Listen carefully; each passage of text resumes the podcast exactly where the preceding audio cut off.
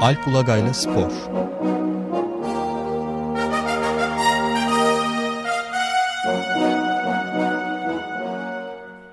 Günaydın Alp Bey. Günaydın Can. Ömer Madra bugün yanımızda yok. Ee, ama Selahattin'le beraber size e, siz dinlemeye devam ediyoruz biz de. Cuma günleri olduğu gibi, her cuma olduğu gibi. Gündemimizde Harika. neler var acaba? E biraz Avrupa kupalarında bu gruplar aşamasını bitirdik. Ondan bahsedelim. Türk takımlar için doğrusu hayal kırıklığıyla dolu bir grup aşaması oldu. Dört Türk takımı Şampiyonlar Ligi ve UEFA Avrupa Ligi gruplarında mücadele etti. Zaten bu haftanın sonuçları bile durumu özetliyor aslında. Dört maç oynadı Türk takımları bu hafta. Bilanço şöyle bir galibi bir beraberlik sıfır galibiyet bir beraberlik üç mağlubiyet atılan gol 2 yenilen gol 5 ve iki takımın da elenmesi söz konusu. Biri de alt kupaya düştü. Yani bu kadar başarısız bir hafta. Şöyle özetleyelim. Yani aslında fena denemeyecek gruplara düşmüştü. Dört Türk takımı. Burada belki Akhisar'ı biraz hariç tutabiliriz. İlk defa Avrupa kupalarına katılan bir takım. Kadrosu geçen yaz daha da zayıfladı. Onlar için çok bir şey diyemeyebiliriz. Belki hani bir tek puanlarını dün alabilir 6 maçta. Bir galibiyet alabilirler mi? Belki hani bir ile elenirlerdi ama hani bir galibiyet bir beraberlik belki olabilirdi. Bunun dışında Galatasaray Şampiyonlar Ligi'nde olabilecek en uygun gruba düşmüştü. Gerçekten hani herhalde daha iyi bir kura düşünülemezdi. Durumu şu özetliyor. Grubun bir numaralı torbadan seri başı Lokomotiv Moskova sonuncu oldu. Yani başka nasıl daha iyi bir kura olsun. Hı hı. Diğer iki takım Porto ve Schalke'de doğrusu çok iyi sezonlarında değil. Kendi liglerinde de sezona bir parça sorunlu başladılar. Schalke hatta ilk galiba 4 lig maçını kaybetmişti. Bu ortamda Galatasaray yola çıktı ve ilk maçı da 3-0 kazandı ama sonraki 5 maçtan sadece bir puan alabildiler. İstanbul'daki Schalke galibiyeti ve ancak üçüncü yani o da son maçta yenilmelerine rağmen bu hafta Porto 3-2 Lokomotif'in de Schalke'yi yenememesiyle Almanya'da ucu ucuna gelen bir üçüncülük var ve Avrupa Ligi'ne devam edecekler. Evet. Buradan ama büyük bir fırsatın kaçtığını söyleyelim Galatasaray için. Fenerbahçe Beşiktaş'a gelirsek onlar da doğrusu dişlerine göre iki gruba düşmüşlerdi. Yani baktığımızda kağıt üzerinde ikisinin de bu kupada bu gruplarda e, birinci olmasını beklerdik. Fenerbahçe ikinci olabildi. Dinamo Zagreb'in biraz da sürpriz bir performansı var ama Beşiktaş dünkü yenilgiyle kendi sahasına aldığı yenilgiyle yani bırakın liderliği üçüncü olup elendi. Hı hı. Ve şöyle bakıyorum Galatasaray, Fenerbahçe, Beşiktaş'ı 18 maç oynamışlar. Galibiyet sayısı 6, 18 maçta. 18 maçın 3'ünü alabilmişler. Beraberlik herhalde 4'te beraberlik mi var? 4'te beraberlik. 8 maçı da kaybetmişler galiba yani ve çok daha zayıf takımlar vardı özellikle Fenerbahçe Beşiktaş'ın grubunda. Beşiktaş grupta aldığı 7 puanın altısını alttaki Starsborg'dan aldığı çok zayıf bir Norveç takımı. Yani üstteki iki takımla bir puan alabilmiş. Evet. Nereden nereye geldiğini düşünelim Beşiktaş'ın. Yani geç, hatırlarsan geçen sene Şampiyonlar Ligi'nde grup birincisiydi Beşiktaş. Ve benim de statta izlediğim maç da vardı. Yani çok iyi oyunla evet yine uygun bir gruptu ama iyi oyunla iyi oynayarak çok iyi sonuçlar olarak grup birincisi olmuştu. Bir yılda inanılmaz bir düşüş Beşiktaş içinde. Aslında bu üç takımın Avrupa'daki durumu buna Başakşehir'i de eklemek lazım. Şu an Türkiye Ligi'nin Süper Ligi'nin lideri. 7 e, puan farkla yanılmıyorsam. Ve bu grupta da kalamadılar bile. Son yıllarda sürekli başarısızlar. Avrupa kapılarını yani gruptan çıkmışlıkları yok. Pek dikkate de almıyorlar herhalde odaklarında Türkiye Ligi'nde alacakları işte bir şampiyonluk var. Ama Galatasaray, Fenerbahçe, Beşiktaş'ın durumu Avrupa kupalarında aldığı sonuç aslında tüm yönetim modellerinin finansal modellerinin de başarısızlığını özetliyor. Yani Türkiye içinde hakem üzerinden birbirini eleştiren, birbirine saldıran kulüp yönetimleri var, taraftarlar var. Maalesef asıl bakmaları gerekene bakmıyorlar. Yani bu yıllardır bu paraları harcamalarının, bu bütçeler oluşturulmanın sebebi herhalde Türkiye Ligi'nde alacakları şampiyonluk değil ya da bir Türkiye Kupası şampiyonluğu değil. Aynı zamanda uluslararası başarılar ama bu uluslararası başarılar çok böyle 5-10 sezonda bir geliyor yani. Beşiktaş'ı düşünelim. Yıllarca pek bir başarısı yani böyle arada bir gruptan çıkma bir maç kazanma olabilir ama gerçekten büyük başarılarını geçen sezon elde ettiler. Şampiyonlar Ligi'nde grup birincisi olarak skor Fenerbahçe'yi ne zaman başarılı düşünüyoruz Avrupa Kupalarında? E, UEFA Avrupa Ligi'nde yarı final oynadıkları sezon ne zaman?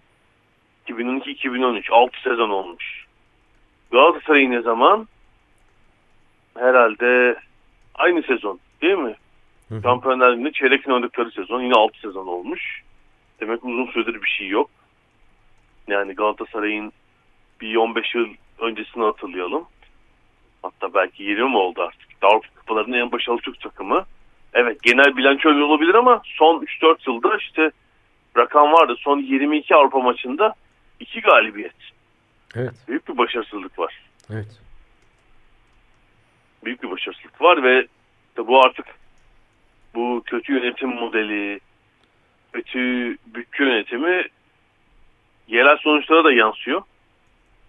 Malum ligdeki tabloya bakalım. İşte Beşiktaş ve Galatasaray lider Başakşehir'in kaç puan gerisi? 9 puan gerisinde galiba. 8 8 puan gerisinde. Fenerbahçe tarihinde pek olmadığı şekilde 17. ve sondan ikinci küme düşme hattında. İşte giden antrenörler, takımdan gitmek isteyen futbolcular böyle bir ortam var. Evet. E, tabii bu neden kaynaklanıyor? Şöyle bir yönetim modeli vardı. Bir garip bir şey var zaten şirket modeli var. İşte dernek spor kulübü derneklerinin kurduğu futbol AŞ'ler. O yüzden böyle bir AŞ'de sorumluluk var ama dernek bütçesi ve yönetimi üzerinde bir sorumluluktan kaçma modeli var. Yani istediğiniz kadar borç yapıp 2 yıl sonra aday olmayabilirsiniz, 3 yıl sonra aday olmayabilirsiniz yönetime. Bunun dışında yani profesyonel yönetimden kaçıp e, futbolu çok iyi bildiğini zanneden bir takım erkeklerin özellikle erkekler diyorum çünkü bu yönetim kurullarında çok seyrek de olsa seyrek olarak kadın yönetici oluyor. Bu yönetim kurulu üyelerinin e, yani işi profesyonelleri gerçekten bilenlere bırakmayıp ve futbolu hmm, her taraftar gibi bizim gibi yani çok iyi bildiklerini düşünüp e, yönetmeye kalkmaları ve bu model artık işlemiyor. Çünkü e, evet biz, biz de ben de ben de taraftarda biz de futbolu bildiğimizi düşünebiliriz ama bildiğimiz futbol bizim e, izleyici olarak bildiğimiz kısmı. Halbuki bu işin yönetimi artık değişti. Yani bütçeler dünyadakini saymıyorum. Türkiye'de bile işte 500-600 milyon liralık bütçeler söz konusu. Evet. Bunları yönetmek e, çok profesyonelleşen bir saha içi yapı var. Buraya doğru kişileri yerleştirmek kolay değil. Ve bunu tam yapmayı bir türlü öğrenemedi bu kulüpler. İşte bu işi hobi olarak yapan bir takım adamların 2-3 yıl yönetime gelip başarısız olup e, sonra gitmesi, işte başarılı olduğunu zannedenlerin daha uzun kalması gibi bir yapı var. İlginçmiş. Ee, ve işte artık bu yapının herhalde sonuna geldik. Bir de mali olarak iflas etti tabii bu tablo. Hı hı. 2014 yılında yani herkes çok iyi hatırlar dinleyicilerde Türkiye Süper Ligi'nde yabancı oyuncu sayısı limiti 14'e kadar çıkarıldı. Ve o zaman da e, bu yabancı oyuncu limitinin arttırılması, yani neredeyse serbest bırakılması taraftarları şunu söylüyordu. Serbest bırakalım çünkü eğer öyle olmazsa Türk oyunculara çok gereksiz maaşlar ödeniyor. Çok büyük paralar veriliyor denmişti. Ne oldu aradan 5 sezon geçti işte. E, bu paralar bu sefer yaşlı artık işi bitmiş yabancılara veriliyor bu sefer. Daha fazlası üstelik. Hani fazla para verilmeyecekti. Niçin veriliyor peki para, bu para yaşlılara? İsim, bir işte ülke içindeki gereksiz rekabet sebebi yani bir e, hatta silik yarışı diyebiliriz buna yani hiç uluslararası ayağı olmayan bir ben daha iyiyim sen, sen daha iyisinin e, getirdiği bir mecburiyet. E, bir de Türkiye Ligi'nin hem ligin hem ülkenin konumu buraya kariyerinin zirvesindeki iyi dönemindeki yabancıların gelmesine yetmiyor.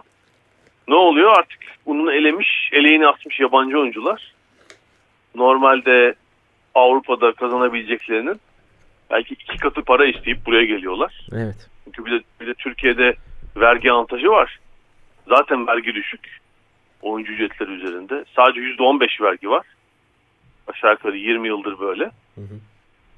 Ve kulüplerde oyun, bu vergiyi kendileri üstlenip Türk ve yabancı oyunculara net maaş üzerinden ödeme yapıyorlar. Ve işte son yıllarda görüyoruz 4-5-6 milyon avro yıllık ücret kazanan bir takım yabancı oyuncular var. Böyle yaşlar 32, 33, 34. Bana hep bir film mezarlığını andırmıştır bu transfer durumu, bahsettiğiniz transfer durumu da e, şey peki e, sadece futbol kulüplerine özgü bir durum bu. Diğer spor dallarında da aynı şekilde yaşlı futbolcular gelip kariyerlerini burada sonlandırmak için para kazanabilecekleri bir alan yaratmaya çalışıyorlar mı? E, futbol dışı spor dallarında mı? E, futboldan başka diğer spor dallarında da var mı böyle bir transfer e, şeyi, akımı? Hmm, yani şöyle basketbolda mesela tabii Türkiye futbolda olduğundan daha iyi bir lig. Türkiye Süper Ligi. Hı hı. Ama yani Euro Lig'de oynayan çok iyi takımlar var. Orada kariyerinin yani evet yine çok para kazanıyorlar ama kariyerinin çok en iyi dönemindeki oyuncular geliyor Türkiye. En iyi dönemindekiler yani be, geliyor. Belli takımlara yani şöyle diyelim işte Anadolu Efes, Fenerbahçe yani burada oynayan oyuncular Avrupa'nın en iyileri arasında. Hani hmm. öyle yaşı yaşı geçmiş işi, işi bitmiş oyuncu değil ya da Iskartaya yeni par yeni yani. Tabii tabii ya da yeni parlamış 23 yaşında mesela. iki sezon oynayıp Türkiye'den NBA'ye gidiyor. Yani Fenerbahçe'de örneği çok oldu son yıllarda. Hmm. Türkiye hani sıçrama dünya... noktası da olabiliyor yani basketbolda böyle transfer. Evet evet, evet. basketbolda farklı. Yani kadınlar voleybolda zaten işte Avrupa'nın en iyi takımları yine e, Türkiye'de 3 takımı sayarsak son 10 sezonun herhalde 6-7'sinde Avrupa şampiyonu Türkiye'de çıktı. Orada da yani dünyanın en iyileri, Avrupa'nın en iyi yabancıları Türkiye Ligi'nde hani yaşı bitmiş, e, yaşı geçmiş, işi bitmiş olanlar değil. Yani erkekler futbol gibi bir şey bulamadım doğrusu. E, örnek bulamadım. Böyle bir e, emeklilik öncesi son ikramiye kazanılan, kazanılan bir lig Türkiye'de şey yapamadım. E, örneği bulamadım. Kadınlar basketbolda öyle. Orada da dünyanın en iyi Amerikalı oyuncuları Türkiye Ligi'ne gelip oynuyor. Ama şu doğru ya bütün bu liglerde e, başka yerde kazanabileceklerinin çok üzerinde para kazanıyorlar. Hı, parasını yani, da kazanıyorlar şey, ama. Evet, fazlasıyla fazla fazla kazanıyorlar. E, bu da işte Türkiye'nin konumundan kaynaklanıyor. Böyle hani hem Avrupa'da hem değil. Hem, coğraf... hem bomba patlıyor hem patlamıyor. Ha işte bu tip şeyler e, ben Darüşşafaka'da çalıştığım dönemde de oldu. Bir oyuncu transfer etmek istiyorsunuz. Ya sizin ülke tehlikeli diyor gelmiyor. İki katı para istiyor mesela hani. E, bir o her şeyin bir bedeli var değil mi? E, o tehdidin şey gibi tazminatı gibi adeta. Hani bir isteyeceğine iki istiyor. Ya da hiç gelmem diyor zaten. Hı hı. Böyle ihtimaller de söz konusu. Evet. ama futbolda yani çok olacağını ümit değilim. Bir şekilde çapkaları önüne koyup düşünmesi lazım bu özellikle büyük kulüplerin. Yani küçük kulüplerin bir kısmı içinde benzer sorunlar vardır. Böyle bir şey olur mu diye sorarsan doğrusu pek umutlu değilim. Ben yani de. içerideki itiş kakışı daha herhalde popülist ve şey buluyorlar.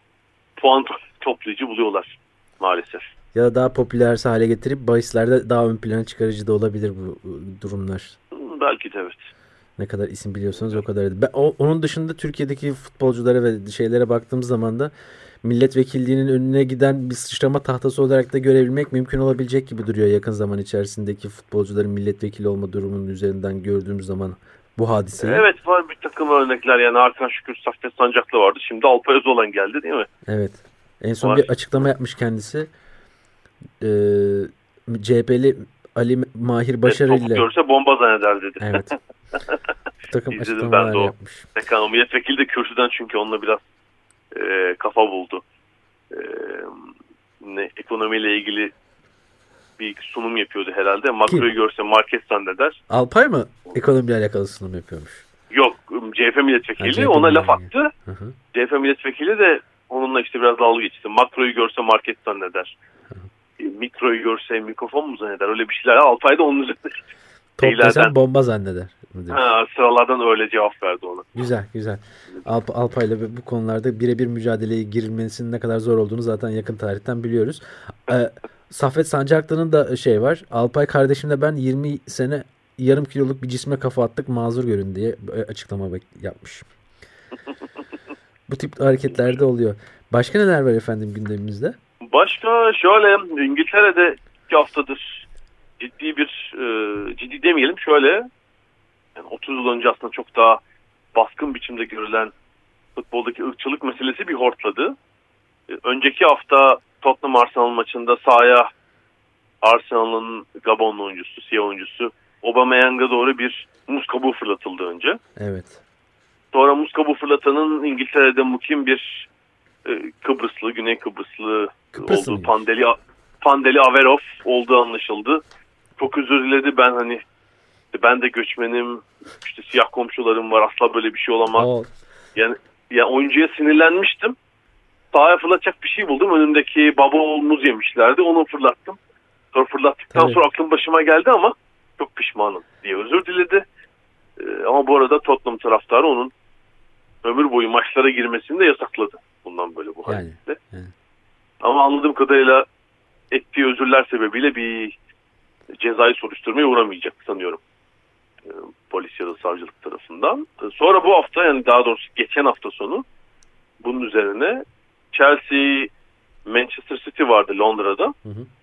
Chelsea kazanırken City'nin e, İngiliz oyuncusu yine siyah oyuncu Raheem Sterling kale çizgisi dibine gidiyor topu almak için ve bir grup Chelsea'li taraftar böyle en yakın ilk sıradaki taraftarlar eğilerek bir şeyler söylüyorlar. Yani ekran görüntüsü var tabii hani sesini duymuyoruz. Onun çok hoş kelimeler olmadığı aşikar ancak evet Sterling beyaz seyirciler bu arada bunlar. Oyuncu siyah. Sterling bu arada e, maç sonu şikayette bu. O arada hiç tepki göstermedi. Topu aldı işine devam etti. Profesyonel yaklaşmış. bak tamam Hı-hı. evet maç sonu şikayet etti. Bu dört kişi bana ırkçı hakaretlerde bulundu diye. İşte görüntüler incelendi vesaire. Dört oyuncunun sezonluk kartı ya da işte tribüne girme hakkı Chelsea takımı tarafından askıya alındı şimdilik. Soruşturma devam edene kadar ve bir e, tekrar bu ırkçılık konusu tartışılmaya başlandı. Çünkü Sterling pazar günü maçın ertesi günü yani Instagram hesabından bir paylaşım yaptı ve örnekler verdi. Dedi medyadaki özellikle bu burada boyalı basın, bulvar basını diyebileceğim işte The Sun, The Mirror, e, Daily Mail gibi gazeteler herhalde. Havuz medyası Biraz, değil ama. değil, havuz medyası değil. Evet. İşte burada yani Britanya'nın çok okunan ama çok ve kolay okunan ama biraz işte böyle saldırgan e, bir dil kullanan medyası olabilir diyebiliriz. E, oradaki gazetelerden galiba Mirror olsa gerek. Oradan iki örnek verdi. İşte beyaz genç futbolcu. Sterling değil yani daha kariyerinin başında bir genç oyuncu ev alıyor. Pahalı böyle 2 milyon 2 milyon sterlin neyse 1,5 2 milyon büyük bir para ev alıyor. İşte şey diye veriliyor.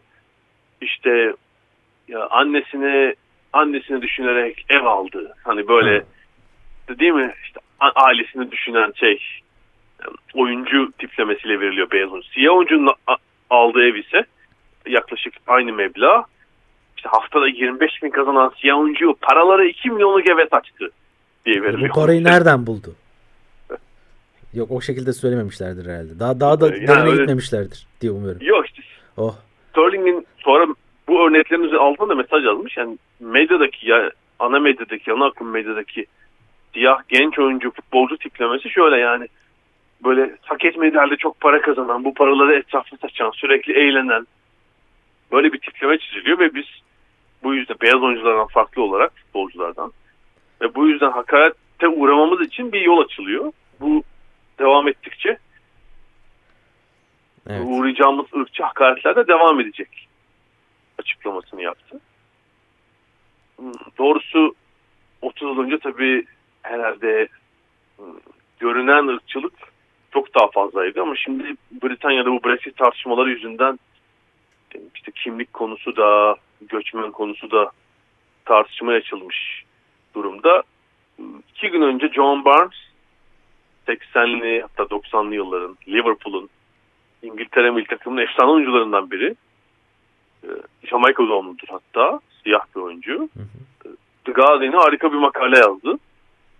O John Barnes'ın 80'li yıllardan kalma müthiş bir fotoğrafı vardır. Herhalde 30-32 sene önce bir sahaya kendisine doğru atılan bir muzu tekmeliyor dışarı doğru. Topuklu tekmeliyor. Zaten yazıda da o fotoğraf kullanılmış. Ee, evet yani yani e, evet diyor yani gö görünen böyle az miktarda ırkçılık ırkçılık var ama asıl görünmeyen kısmı e, çok yani görünmeyen muz kabuklarından bahsetmiş. Görünmeyen muzlardan bahsetmiş. Evet. Görünmeyen muzlar ne demiş? Yani siyah çocukların sıradan kişilerin uğradığı ırkçılık işte eğitimde ya da diğer alanlarda ve çocuklarımıza yaş çocuklara biz işte futbolcuları şarkıcıları, ünlü kişileri örnek göstererek bu sorunu çözemeyiz. Yani onların e, eğitimde daha ilkokulda eşit muamele görmesiyle ancak bu sorun çözülebilir. Halbuki e, beyazların üstünlüğüyle ilgili eğitimde, kültürde birçok e, basmakalıp düşünce var. Bunlar temizlenmedikçe sorun hallolmaz diye hiçbir makale yazmış. Hatta e, bu, sabah, bu sabah tweetledim az önce e, The Guardian'da. Yani evet şimdi futboldaki sorun 30 yıldan bu yana görünür sorun en azından çözülmüş gibi olabilir. Arada bu tip olaylar çıksa da ama o John Barnes çok daha baskın bir sorunun yat, derinlerde yattığını söylüyor. ırkçılıkla ilgili ve yani beyaz insan, beyaz adam imajının hala kuvvetli olduğunu belirtiyor. Evet. Ee, ama e, şunu şu artıyı eklemek lazım. İki haftada iki olay oldu tribünlerde. Anında olayın çözümü yani faillerin bir kere bulunması ve cezalandırılması için hemen girişimde bulundu. Kulüpler, polis, işte federasyon açıklama yaptı futbolcular da yani olayı böyle örtbas etmekle ilgili en ufak bir şey olmadı mesela ve işte, olayın faili kişiler özür dilediler. Kendi gerekçeleri ya da yapmadık bir takım gerekçeler elbette söylediler ama olayı kapatmak, sümen altına atmak için en ufak bir girişim de yok. Hemen üzerine gidildi. Ve şimdi iki haftada iki olay olduğu için e, mutlaka e, konuşulacak. Evet. E, daha fazla bahsedilecektir bu olaydan. Ne mutlu ki Türkiye'de böyle olaylar yaşanmıyor diye düşünürken aklıma başka bir olay geldi. E, 1997 yılında ben de hatırlıyorum. E, İngiltere'den Nottingham Forest'tan Trabzonspor'a transfer edilen e, Kevin Campbell'ın hikayesi vardı. Kevin Campbell müthiş evet harika bir örnek sen süper buldun. Dönemin kulüp başkanı Mehmet Ali Yılmaz. Mehmet Ali Yılmaz'dı ve kendisi için söylediği iddia edilen biz yamyamı gol makinesi diye aldık çamaşır makinesi çıktı sözünden sonra e, Trabzonspor'dan ayrılmıştı ki benim bildiğim kadarıyla o zamanlar ben futbolu takip ediyordum. E, kendisi kariyerinin de gayet iyi bir dönemdeyken Trabzonspor'a gelmişti. Ki İngiltere'ye tekrar döndükten sonra da çıktığı birçok maçta da e, epey bir gol atmıştı. 145 maçta 45 gol atmış. 2005-2006 yılında Everton'la sözleşme imzalamış İngiltere'ye döndükten Zaten sonra. Zaten daha önce de Arsenal'da oynuyordu. Çok iyi bir oyuncuydu. Yani böyle hani milli olduğumu hatırlamıyorum Kevin Campbell ama ligin hmm, en değerli forvetlerinden biriydi. Trabzonspor'da da doğrusu iyi bir ilk devre geçirdi. Evet. Sanıyorum hangi maçta Galatasaray oldu? maçında yani vardı. 5-3'lük maç. 3 gol attı o maçta. 3 gol, gol attı, attı ama ya olayın Mehmet Ali Yılmaz'ın canlı yayında bile olabilir yani. Maç sonu röportaj veriyor. İşte şey diyor. E, ne sen çok güzel atladın sözü. Ya biz yamyamı yam, gol yam... makinesi diye aldık. Bulaşık evet. makinesi çıktı. Çamaşır makinesi mi Bunu, çıktı? Öyle bir şey diyor. Yani şey olduğunu düşünebiliyor musunuz? Bu İngiltere'de bir kulüp sahibi başkanının bunu söylediğini falan yani herhalde kıyamet kopar. Evet. Evet. Yani o e, bayağı ortalık karışır. E, çünkü öyle bir örnek var. Kulüp başkan ya da şey değil, üst düzey bir yönetici değil. Aradan 14 yıl geçmiş. Ben de bu hafta baktım. Ron Atkinson bir eski futbol antrenörü. 2004 yılında Şampiyonlar Ligi maçının devre arasında Chelsea Monaco maçının mikrofonu kapalı zannediyor. Maçın spikeri var o yorumcu. Ve Hı-hı. şey diyor Mar Marcel Desailly Fransız futbolu için ya diyor şu e, yarma salak zenciye bak gibi bir laf söylüyor mesela. Hı-hı. Öyle bir laf. Mikrofon açık kalmış. Oradan duyuluyor. Evet evet. Açıklama değil yani. Ve değil değil tabii tabii. Ve tabii acayip tepki geldi. İstifa etti hemen. Yani RTV'nin bir eyleme geçmesinden için özür dileyen bir metin yayınladı. Halbuki Ron Atkinson 77, 70, 78, 79 sezonunda 3 siyah oyuncu ilk 11'de oynatan ilk teknik direktör. Ya işte. ee, Brandon Betson, e, e, Laurie Cunningham ve Errol Regis'i West Brom'un ilk 11'de oynatan ilk antrenör. Ve özellikle onları savunmuş etmiş ama işte o benzer bir durum Mehmet Ali Yılmaz'la neye ulaştı ki? Ron Atkinson sadece aslında kendisinden sorumlu. Bir kulübün elemanı da değil o dönemde artık çalışmıyordu çünkü aktif olarak. Ama Mehmet Ali Yılmaz kulüp başkanıydı hem de Trabzonspor. Ya. Ve oyuncu gitti başkan kaldı. Değil mi? Halbuki ne olması lazım? Başkanın gidip oyuncunun kalması lazım. ya evet, aynen Medeni öyle. toplumlarda ama. Aynen öyle. Ee, burada da farklı işliyor bazı işler diyebiliriz. Ha bir de o işte şeyi bayılıyorum. Yani Türkiye Türkiye'de yok abi ırkçılık. Biz öyle yani siyahlarla falan. Evet yani e, şundan olabilir mi acaba toplum içinde zaten siyahların e, sayısının oranının çok çok uz olması yani Türkiye'de siyah nerede var işte son Osmanlı döneminden kalma bazı köyleri Evet evet Ege köylerindeki vesaire. Ha, falan tek var. Yani son 20 yılda gelen değil mi Afrikalı göçmenler onların da herhalde ağırlıklı olduğu yer İstanbul'un belli semtleridir. İstanbul dışında onunla çok ben bilmiyor olabilirim. Belki vardır. Yani orada var. Onların da ne kadar günlük hayatta ne kadar büyük ırkçılığa uğradığını e, gerek polis gerek halk tarafından e, ben bazı örneklerle biliyorum doğrusu. Evet. Onun dışında yani görülen siyah şu yani futbolcu ve basketbolcu bir takım e, yıldızlar. Onların da konumu farklı. Onları da zaten ya bar çıkışlarında görüyorsunuz ya televizyonda antrenman sırasında ya da ma- maçlara gidebiliyorsunuz. Yani onlar ama işte bir sürü takımın kişinin kahramanı zaten. Hani yıldız olarak geliyorlar Türkiye'ye işte. Evet. Basketbolcu vesaire falan. Hani konumun farklı. İşte onların biri uğramış gerçi ama hani günlük hayatta çok e, hele İstanbul'da değilseniz e, siyah bir kişiyle herhalde karşılaşmazsınız diye düşünüyorum. Evet. Ee, durum böyle galiba. O, bu haftalık bu kadar herhalde. Bu haftalık bu kadar ama İstanbul'daki Afrika Kupası'nın da gerçekleştiğini söyleyelim yani. Böyle bir şey de var. O kaç yıldır var? Tabii Evet. herhalde 10 yıldır devam ediyor. Evet uzun süredir Türkiye'deki- devam eden bir E, İstanbul'daki Afrikalı amatör futbolcuların kendi aralarına düzenlediği bir turnuva. Yaklaşık 10 yıl, belki 10 yıl da geçmiş olabilir mi? Yani düzenli yapılıp yapılmadığını tam bilmiyorum. Ama herhalde ilk 10 yıl önce düzenlenmişti. İstanbul'daki Afrika Kupası. Evet. Bir de son dakika gelişmesi var galiba. Şu anda cep telefonum üzerinde düşen bir flash gelişme olarak nitelendirebilirim bu durumu. Fenerbahçe Ersun Yanal ile anlaşmış. Anlaşma bir buçuk yılmış, yıllıkmış. Ayrıntılarda geliyormuş efendim. Eğer ilginizi çekerse hazır spor programındayken böyle Hayırlı bir son dakika haber geldiyse vereyim dedim. Başta bahsettiğimiz konunun konuya zaten paralel. İşte hani bir kurtarıcı gelip tek başına kurtaracak. Galatasaray'da geçen sezon oldu. Fenerbahçe'de bu sezon oluyor yansımasını gelecek sezon bekleyecekler. Evet. Hani bir kurtarıcı gelsin bizi kurtarsın ama yani Kurtarıcı. sporun aslında bir tek adam işi olmadığını anlamak için bakalım daha ne kadar beklemesi gerekecek Türkiye'nin. Bu sezonda kurtarıcıdan ziyade süper kahramana ihtiyacı var gibi duruyor Fenerbahçe'nin ama göreceğiz, bakacağız. Çok teşekkürler. Önümüzdeki hafta Evet iyi. görüşmek üzere. Haftaya görüşmek üzere.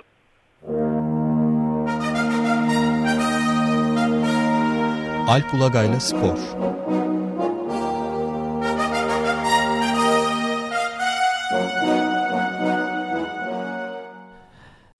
Açık Radyo program destekçisi olun. Bir veya daha fazla programa destek olmak için 212 alan koduyla 343 41 41.